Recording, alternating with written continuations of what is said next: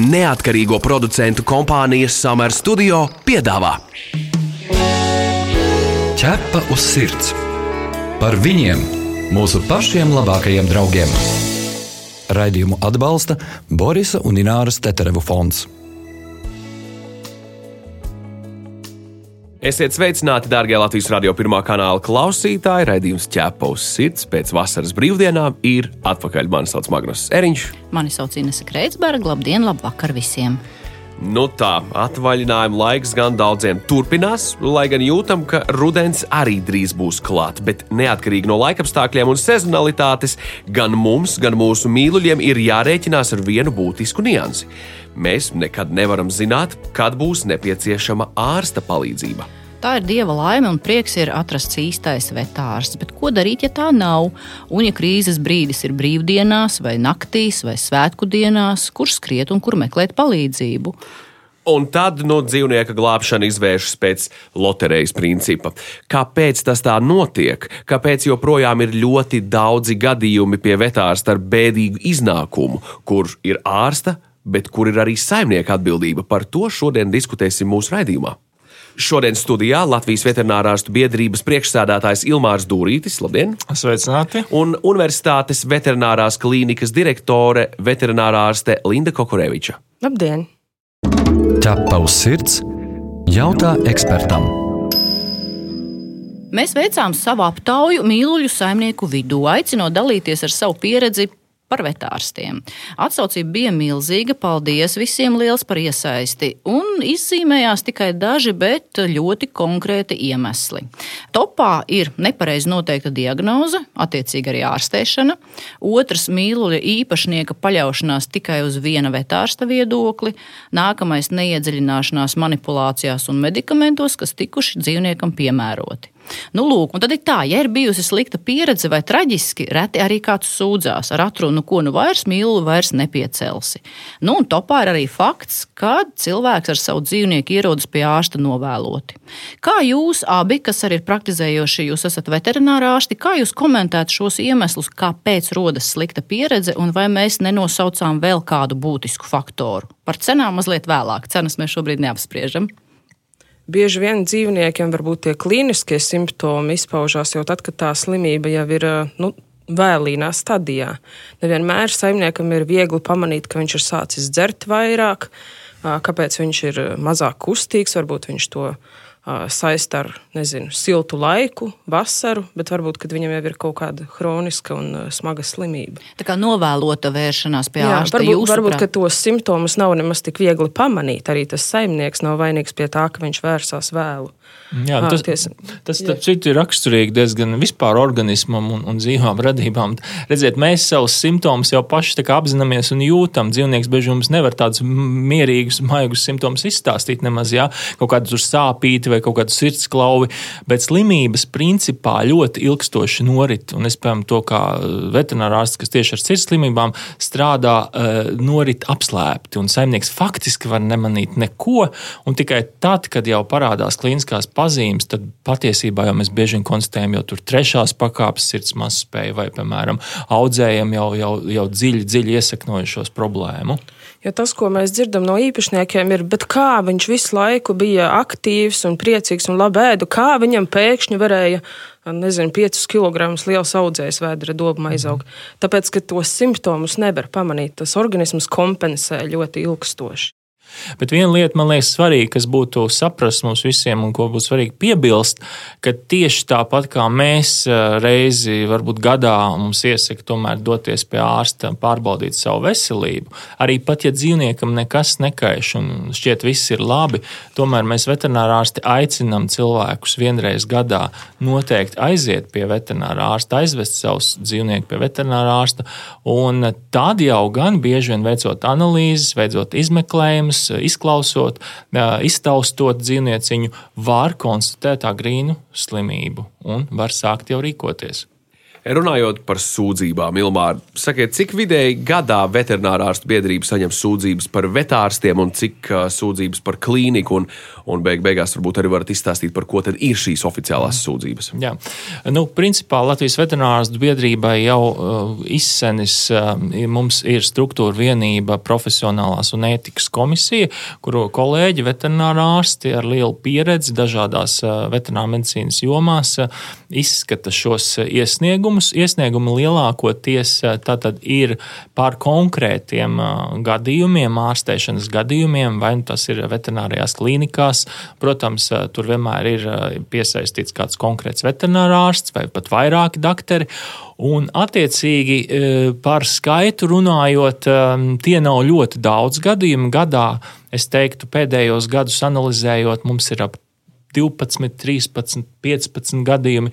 Šajā gadā jau ir uh, uz doto momentu astoņi iesniegumi, kuri ir tikuši izskatīti, un, manuprāt, tas pēdējais ir vēl procesā. Uh, lielākoties, um, es teiktu, un arī pašam darbojoties vairākus iepriekšējos gadus uh, šajā komisijā, mēs redzam, ka tā ir galvenokārt tomēr um, veterinārā ārsta un dzīvnieka īpašnieka komunikācijas uh, problēma.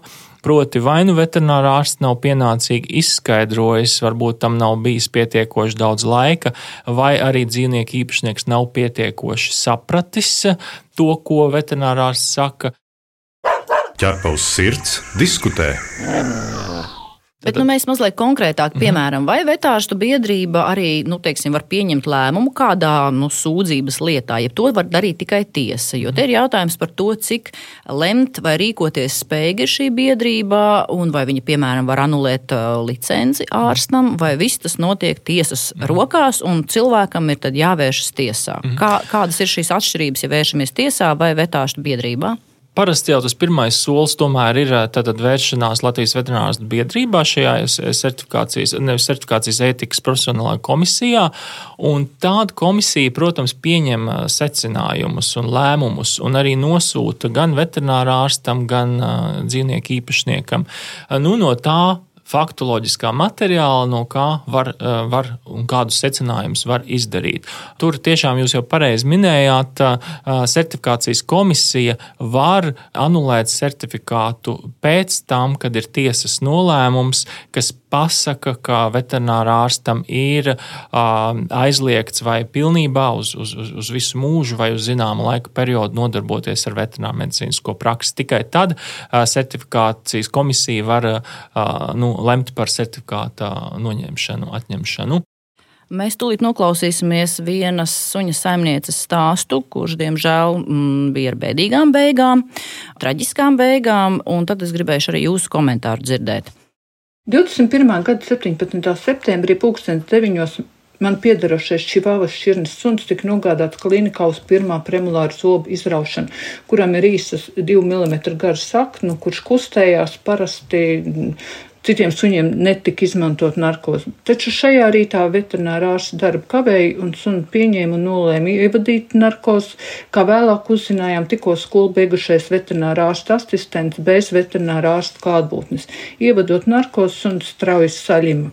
Pēc divām stundām Suns tika atdots augsts un stīvs, paskaidrojot, ka tā ir normāla reakcija uz narkozi. Mājās sunim bija krampi, tas nespēja piecelties, gaudoja, zaudēja samaņu. Aizvedot atpakaļ uz klīniku, nu jau bija sastopam eh, vetārs, kurš skaidroja, ka viņa ir pēc narkozes došanas redzējusi aritmiju, tagad sunim esot mikroinsults, bet viss uzsūkšoties un būšot labi. Jautāt, kāpēc sunim panālu atver nāk asins recekļi, tika saņemts skaidrojums, ka tas nav nekas, tikai plīsuši maz kapilāri. Vēlāk veterinārā ārsta norīkojas suni vēst asistentam uz savām mājām pieskatīšanai, sakot, ka stāvoklis nav nopietns un rīt viss būšot labi. No rīta Pirms desmitiem doktori neko nezināja par suņu stāvokli, jo asistents un atvedīs šot vēlāk. Pūkstens 11. tika paziņots par suņu nāvi. Ar lielām grūtībām dabūjām nepilnīgu izrakstu ar nepatiesām ziņām par veiktajām manipulācijām. Institūtā Bjork tika veikta sekcija, kurš noteica, ka nāvs cēlonis ir akūts pankreatīts, kurš varēja rasties narkotikas rezultātā. Es uzskatu, ka man suņi nav, bija novēršama un ka tā iestājās vetārs pretiesiskās, neprofesionālās, neētiskās darbības dēļ. Sūdzība tika iesniegta Latvijas veterinārās biedrības ētikas komisijai, kur veterinārā ārstē izteica aizrādījumu un noteica papildus apmācības nepieciešamību veterinārajā anestezioloģijā. Tātad šajā klīnikā ārstēšana tiek veikta bez vetārsta uzraudzības, uzticēt asistentam. Dzīvnieks pārvietot darbinieku mājām, netiek noteikts pareizs diagnozes, netiek sniegt nepieciešamā palīdzība dzīvības glābšanai. Izrakstā tika apzināti izsniegt melīgu informāciju par veiktajām darbībām. Prasība ir iesniegta un tiks izskatīta šajā gadā Latvijas tiesā. Ķepa uz sirds noskaidro. Šobrīd situācija ir tāda, ka suņa saimniece vērsusies gan biedrībā, gan arī tiesā. Tātad tiesas sēde tiek gaidīta, bet uh, ir bijusi tāda ētikas komisija, par ko arī mēs runājam, ka tādas ir. Un konkrētai veterinārā ārstē tika izteikts aizrādījums un noteikta papildus apmācība nepieciešamība veterinārijā anestezioloģijā, jo suņa nāves cēlonis bija akūts pankreatīts, ko radīja tāda nepareiza narkozes pielietošana. Ko tas nozīmē šī rekomendācija ārstam? Pēc tam tiek pārbaudīts, vai viņš ir semināru apmeklējis. Ko nozīmē šāda rekomendācija? Uh, nu, es pirms gribu teikt, ka veterinārā ārstam katrus piecus gadus ir nepieciešams iziet resertifikācijas procesu. Un šis arī ir tas mehānisms, ko faktiski Latvijas veterināras biedrība pēdējos gados ir uh, ieviesusi resertifikācijas procesā, ka ja mēs saņemam, un mēs, protams, gribam uzlabot kopumā savu darbu kvalitāti, ja mēs saņemam šādas konkrētas sūdzības, un mēs tiešām redzam, ka šīs sūdzības ir iespējams pamatotas, un to secina arī ētikas un profesionāla komisija, un tad pie nākamās resertifikācijas procesa, jā, Latvijas veterinārās biedrība, certifikācijas komisija pārbauda, vai veterinārā ārsts ir izpildījis šos profesionālas un ētikas komisijas ieteikumus, kā piemēram šajā gadījumā, tātad šie kursa, konkrēta kursa, anestezioloģijas vai kāda cita kursa apguve. To var izdarīt veterināra medicīnas fakultātē, piesakoties uz šiem, šo kursu, teiksim, un viņu apgūstot, noklausoties. Kas tad būtu jādara, kā būtu pareizi jārīkojas šim dzīvnieku saimniekam, kad ir piedzīvota, nu, piemēram, šāda dramatiska un traģiska pieredze? Te katra jūsu komentārs Jā. būtu vērtīgs, jo šeit ir ļoti svarīgi, kas arī mums jāsaprot, lai klausītājiem, kad ir jāizmanto šī situācija, lai izmeklētu dzīvnieku mm -hmm. nāves apstākļus. Un bieži tas nenotiek, jo viņi saka, nu kā to suni jau tāpat vairs neatdzīvinās, mēs jau viņu vakar apglabājām, viss ir nokavēts, visa izmeklēšana nokavēta. Kā būtu jārīkojas? Nu jā, man, manuprāt, veterinārā ārsts šajā situācijā emocionāli nav tik ietekmēts, un tāpēc viņam ir būtu pienākums dzīvnieku īpašniekam piedāvāt sekciju, patologu anatomisko sekciju dzīvnieku līķim. Protams, ka šī iniciatīva var nākt arī no saimniekiem, bet tās situācijas ir dažādas. Daž, dažkārt saimnieks ir tik ļoti nu, emocionāli ievainots tajā situācijā, viņam, viņam teiksim, tas tajā brīdī nav svarīgs. Pēc nedēļas viņš par to nu, nolemj. Bet nu, tas līķis vairs nav sekcējams.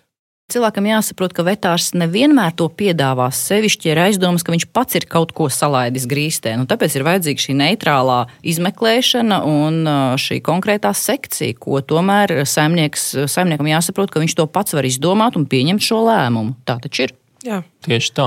Un es varu arī teikt, ka principā dzīvnieku patoloģiskās sekcijas eh, pamatā veids Latvijā gan veterināra medicīnas fakultātes uh, uh, preklīniskā institūta patoloģijas centrs, gan arī biorzinātniskā institūta. Ja, tā kā šīs divas tādas lielākas iestādes, kurās, kurās ir eksperti, kas var precīzi arī pateikt nāves iemeslu, viņi var pateikt arī bieži vien tās hroniskās diagnozes kas tur ir bijušas. Un tad jau, protams, arī ētikas komisijai, Latvijas veterināras biedrībā, profesionālās ētikas komisijai ir vienkāršāk. Arī tiesai pēc tam skatot šos gadījumus, tiesa tāpat pieaicina ekspertus. Un tie arī tāpat ir veterinārā ārsti, kuri neatkarīgi kā eksperti nu, skatās dokumentācijā. Un, ja ir šie patoloģi anatomiskie slēdzieni, tad, protams, to secinājums ir izdarīt daudz vienkāršāk. Atgādinām, ka pie mums studijā šodien ir Latvijas veterinārārstu biedrības priekšsēdētājs Ilmārs Dūrītis un Universitātes veterinārās klīnikas direktore veterinārārste Linda Kokorēviča. Un mēs diskutējam par to, vai vērts sūdzēties par vetārsta vai klīnikas attieksmi, vai kāds var ārstam anulēt licenci, kas jāzina saimniekam.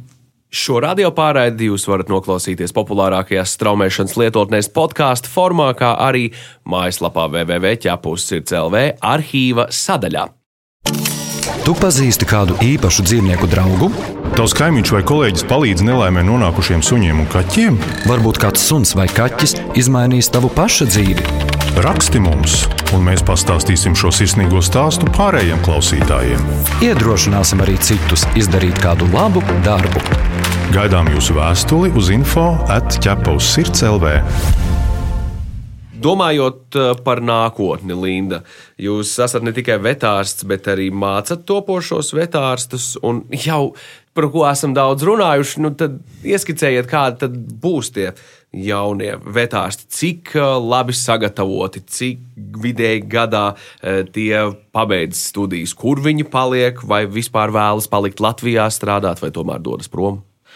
Vidēji gadā pēdējos gados eh, fakultāti pabeidz apmēram 40 eh, jaunie veterinārārsti. Pēdējos gados vai pēdējā gadā? Nu, pēdējos vidēji. gados vidēji 40 veterinārārsti. Un apmēram 10% savu darbu, karjeru turpina kādā no Eiropas Savienības valstīm. Tātad pamet Latviju. Atlikušie apmēram 70% strādā mazo dzīvnieku eh, veterināru medicīnā, apmēram 20% jauktajās praksēs, kas biežāk tiek realizētas reģionos. Tas nozīmē ārstē gan lauksaimniecības dzīvniekus, gan mazos dzīvniekus, un apmēram 10% strādā Zinātniskajā institūtā, bioorā dažādās citās laboratorijās, fakultātē. Vai es pareizi saprotu, ka veterinārā ārstus sagatavo nav tādas specializācijas? Viņam visiem vetārstiem jāzina viss nu, tā kā principā no A līdz Z, un viņi paši izvēlas šo specializāciju prakses laikā, nu, ka viņi sāk jau strādāt pareizi. Viņiem nav jāzina viss, viņiem ir jāzina pamatlietas. Viņi tiek sagatavoti par vispārējās prakses veterinārāšu, viņi apgūst pirmās dienas prasmes, tās ir pamat iemaņas. Pamatzināšanas, kuras nu, būtu jebkurā, jebkurā vietā pasaulē veterinārārstam jāzina, jāapgūst. Es, es varbūt Jā. vēl gribu piebilst, ka jāsaprot, ka šīs eh, bieži vien tādas tehniskās manipulācijas, ja medicīniskās manipulācijas, kā jūs minējāt, arī kaut, kaut vai intervenozo injekciju vai kā, principā bieži vien arī veids veterinārārsta asistenti. Un šeit mums gribam vai negribam jārunā ir arī par veterinārārsta asistentu izglītību. Latvijā tāda ir. Jāteic gan, ka, manuprāt, tur arī būtu nepieciešami daudz uzlabojumi. Un nākotnē, es domāju, ka arī Latvijas teiksim, veterināru ārstu asistentu certifikācija būtu tāds nākotnes jautājums, jo veterinārā ārstam, kā jau jūs arī ieskicējāt, ir tik ārkārtīgi plašs tas zināšanu lauks, un ja mēs paskatāmies vēl šīs specializācijas, ja, tad veterinārā ārsts jau principā nevar nu, aptvert, viens cilvēks to vairs nevar aptvert, tad, tad ir jāiet šajā specializācijā, un tad šī ikdienas vai, vai konkrētā rūpe vai pārsiešana, injekcijas un tā tālāk tiek uzticēts tiešām klīnikā klīnikās, ceļš lielākās klīnikās jau veterinārā ārsta asistentiem. Ilmār, tā jūs piebildat par to veterinārā ārsta asistentu. Tas ir ļoti interesanta piebilde, jo vai es pareizi saprotu, ka šobrīd par veterinārā ārsta asistentu var strādāt cilvēks, kuram nav ne mazākās izglītības veterināra medicīnā? Jā, patreiz likums neregulē un nereglamentē šo profesiju tādā ziņā, ka, piemēram, tur būtu kāda certifikācija nepieciešama. Tas jā, īsti nav to, normāli. Tas nu, īsti nav ne? pareizi. Jā, es domāju, ka pēc analoģijas, kā tas ir arī medicīnā, pie medicīnas māsas, tāpat arī veterināru medicīnas māsām būtu, ja asistentiem saucam, kā gribam, būtu jābūt eh, nu, kaut kādām zināmām izglītība ir Latvijā un, un var iegūt tehnikumos, ja šajās profesionālajās vidusskolās šo izglītību, bet eh, veterinārām klīnikām nu, nav pienākuma, teiksim, kā savu asistentu pieņemt obligāti šādu. Te, protams, ka klīnikas lielākoties pieņem jau cilvēkus, kuriem ir kādas zināšanas un izglītība, bet nu, nākotnē es domāju, ka noteikti ir tajā, ka šī veterinārārsta asistenta izglītība tieši attīstīsies. Jo saprotiet, bet jūs arī, kā biedrība varat to inicēt, gatavot? Mēs kā veterinārā ārsti jau esam to darījuši. Mēs arī esam jau veidojuši mm, pagā, šī gada pavasarī mums bija tāds pasākums arī Smiltenes šajā profesionālajā skolā, kur, kur mūsu veterinārā ārsti un kolēģi no fakultātes arī lasīja lekcijas asistentiem. Tā kā principā mēs ceram, ka šī asistentu arī, arī organizācija, nu, ka viņa, viņa veidosies. Ķepa uz sirds, suņu būda. Aptauja, par kuru mēs jau runājām. Šajā aptaujā mums eh, gluži kā āža kāja izlīd ārā, es teiktu, nu, gluži kā īlens no maisa dūrās ārā. Tāda informācija, ka vairāki traģiski gadījumi ir notikuši klīnikās ar ļoti labu reputāciju. Un sīkāk noskaidrojot, saimnieki minēja faktu, ka gadījumos, kad dzīvniekam noteikta nepareiza diagnoze un tas ārstēts nepareizi, vizīte ir notikusi pie jauna, tikko praktizēt sākuša vetārsta. Protams, protams, protams, mēs nevaram visus jaunos vetārstus šobrīd samest vienā maisā un aizvainot ar šo, bet vai es pareizi saprotu to, ka pēc uzreiz pēc augstskolas pabeigšanas jaunais ārsts var veikt pilnīgi visas manipulācijas, ieskaitot arī operācijas, pavisam neviena neuzraudzīts nu, certifikāts atļauj, tiklīdz kā veterinārārsts iegūst prakses certifikātu, viņš principā var strādāt. Viņš var jā, veikt šīs manipulācijas savas kompetences ietvaros. Es te gribētu uzsvērt, ko arī pasaka likumdošana. Nu, veterinārārstam ir jāapzinās savu kompetenci. Mēs to arī bieži vien aicinam kolēģis. Tad sarežģītos gadījumus lielākoties kolēģi, protams, sākumā paši neuzņemās un sūta pie saviem kolēģiem. Tādā ziņā lielākās veterinārās iestādēs Mēs, protams, eh, ir vairāk veterināru ārstu, kas ir vecāki, pieredzes bagātāki. Eh, tā kā tur varētu arī notikt šīs savstarpējās konsultācijas. Nu, tā tomēr tāda mazliet tā trenēšanās sanāk nu, no vienas puses. Un tad ir jautājums, vai saimnieks var klīnikā jautāt, piemēram, cik ilga ir ārsta prakse, un tad viņš pieņem lēmumu, vai uzticēties tā jaunā speciālista viedoklim. Un tas būtu loģiski, ne? Tātad kāds ir mans aicinājums? Katrā veterinārā klīnikā pie sienas lielākoties, manuprāt, visos, visās ir, ir veterinārā ārstu certifikāti izlikti, izkārti, rāmīšos ierāmēti. Tur jau pirmkārt var redzēt veterinārstu uzvārdus. Nu, noskaidrojiet, pie kāda doktora jūs ejat. Eh, Latvijas veterinārās biedrības mājaslapā ir visu veterinā, certificēto veterinārā ārstu saraksts arī. Tātad eh, nu, pameklējiet arī informāciju par šo, šo veterinārā ārstu, pie kā jūs dodaties darboties. Un te arī, protams, kolēģiem aicinājums iepazīstiniet ar sevi, kad atnāk pie jums jauns klients, kas jūs nepazīst. Nu, iepazīstiniet, sasveicinieties, pasakiet, es esmu Ilmārs Dūrīts, veterinārārsts, šodien apskatīšu jūsu dzīvnieku. Ja? Tad, tad tas būtu tas normālā prakse, kā mums vajadzētu rīkoties. Visur kopā ķepus sirds. Nu, redz, runājot par šādām un līdzīgām situācijām, ir ļoti daudz situācijas, kur saimnieka atbildība ir bijusi noteicošā. E, viena bieži sastopama. Tātad dzīvnieka saimniekam nav nekādas nojausmas ne par manipulācijām, ne par zālēm, kas tiek dotas viņa mājas dzīvniekam. Viņi pat nezina vetārsta vārdu. Nu, to mēs, jā, to mēs sapratām. Un te rodas jautājums, vai jūs ar savu bērnu tāpat atļautu rīkoties? Ja nē, kāpēc jūs pieļaujat to ar dzīvnieku? Viņš taču sevi nevar aizstāvēt un pilnībā pilnībā paļaujas uz jums. Un ir tā, ka saimnieki neiedziļinās, neprasa pat izmeklējumus uz rokas saņemt. Tas, Viņ... Tā ir jūsu ikdiena no savās praksēs. Nu, ka īstenībā, kad nu, pat nezinu, nārs tur iedeva kaut ko, bet ko iedeva, viņi īstenībā nemaz nezina. Var, ir tā, jā? Varbūt um, es. Uh, tā grūtāk noformulēt, bet eh, strādājot universitātes klīnikā, eh, mēs strādājam ar informāciju sistēmu, un mēs katra, pēc katras vizītes dodam īpašniekam izrakstu, kur ir uzskaitītas visas mūsu veiktās manipulācijas un dotie medikamenti. Bet mēs savukārt strādājot šai klīnikā, šad un tad, kad mēs saņemam references pacientus. Pagaid, pagaid, pagaid. Tā tad jūs teicāt, jūs dodat izrakstu, bet Vai tad bērnu slimnīcā arī ir līdzīgi? Es apšaubu, ka tagad, nu, tagad kā mamma ir devusi bērnu uz apskatu, viņam pēc tam iedod izrakstu. Mēs jūsu bērnam izdarījām to, to, to. Vai tad tomēr nebūtu jāizskaidro pacientam, pacienta saimniekam, kas tiks darīts? Un tad es izlemšu, vai es ļauju to manipulāciju un tos medikamentus ievadīt. Jā, protams, tas es, es jau pasteidzos uz priekšu. Protams, veicot, ievācot vispirms anamnēzi, otram kārtām veicot klīnisko izmeklēšanu es dzīvnieku īpašniekam piedāvāju rīcības plānu, un viņš viņu akceptē vai neakceptē. Jo šeit, tā kā mēs jau iepriekš pieskārāmies, ir arī naudas jautājums, vai viņš to var atļauties vai nevar atļauties. Un tad, kad mēs esam vienojušies par kādu rīcības plānu, tad mēs šīs manipulācijas veicam.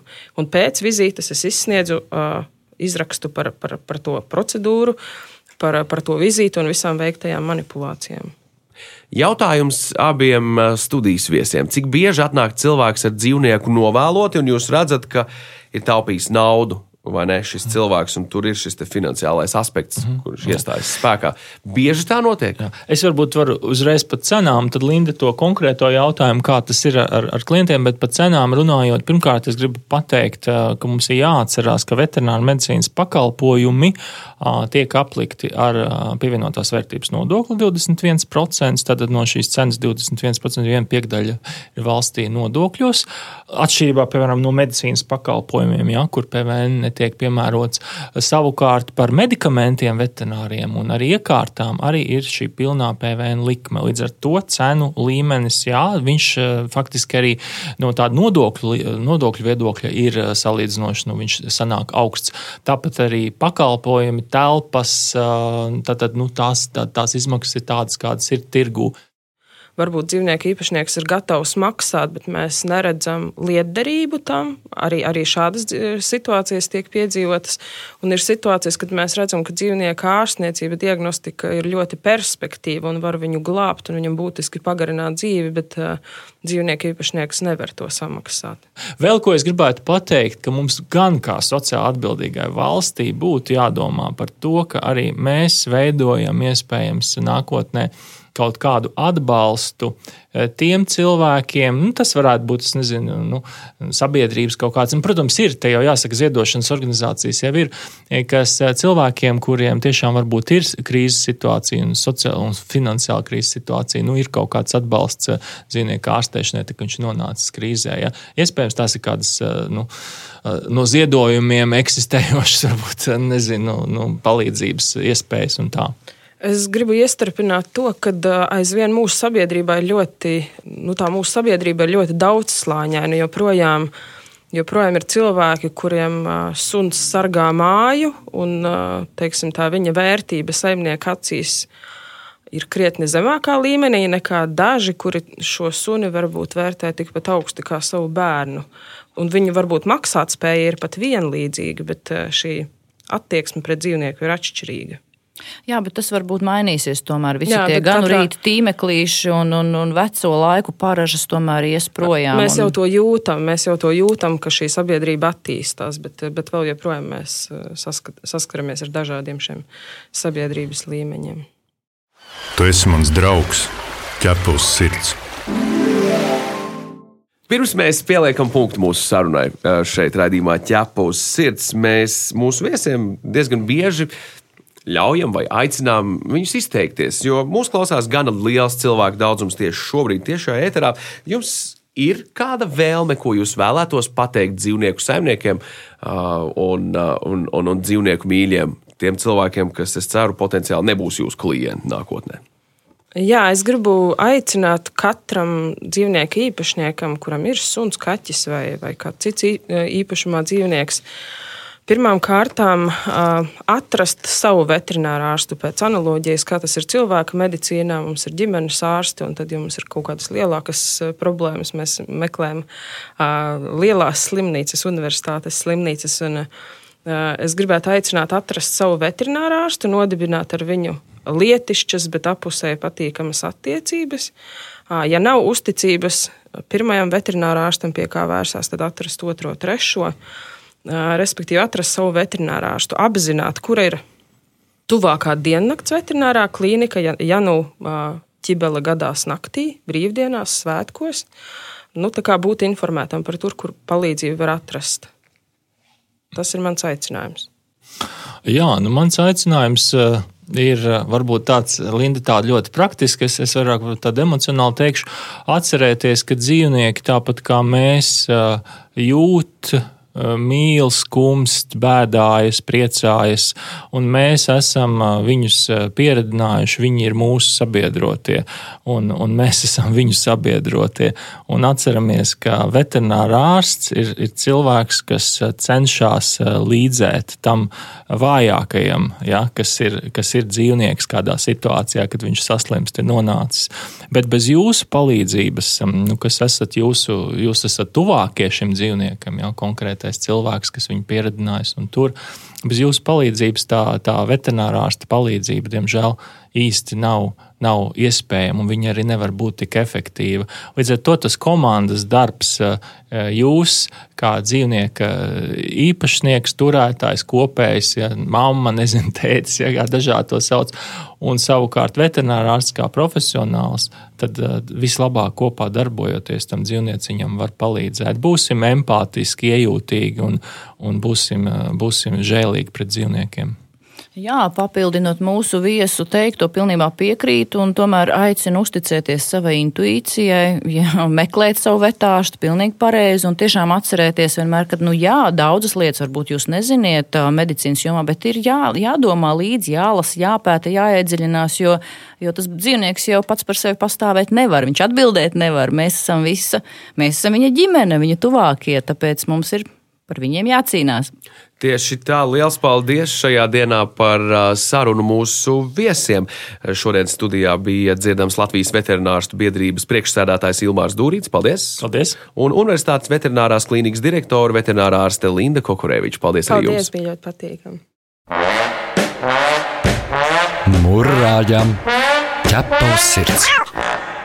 Šajā raidījumā tas ir arī viss. Mēs gaidām jūsu jautājumus, ierosinājumus, idejas, sižetiem. Rakstiet mums info atķepus sirds LV. Mani sauc Inese Kreitsberga. Mani sauc Magnus Eriņš. Raidījumu veido neatkarīgo producentu kompānija Summer Studio. Visu labu! Atā.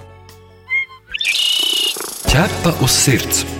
Informatīvi izglītojoši raidījums par dzīvnieku pasauli un cilvēkiem tajā.